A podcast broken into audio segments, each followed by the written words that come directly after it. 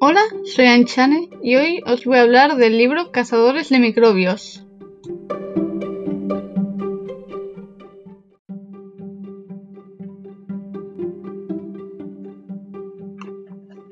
Capítulo 1 Hace 250 años, un tal Leeuwenhoek creó el microscopio. Este mismo fue conocido por hacer descubrimientos sobre los protozoos, los glóbulos rojos, el sistema de capilares y los ciclos vitales de los insectos.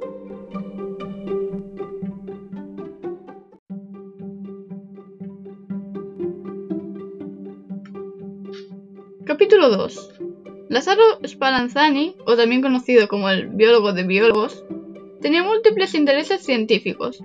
Él estudió el origen de la vida, la regeneración tisular, la respiración y otras funciones del ser humano,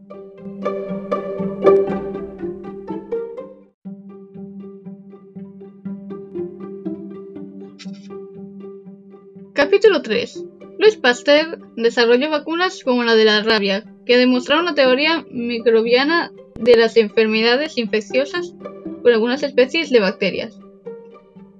También descubrió los agentes responsables eh, de enfermedades como el cólera y la tuberculosis.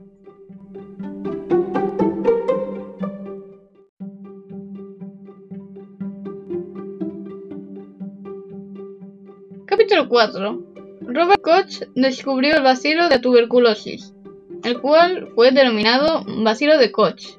También llevó a cabo estudios respecto a la cólera.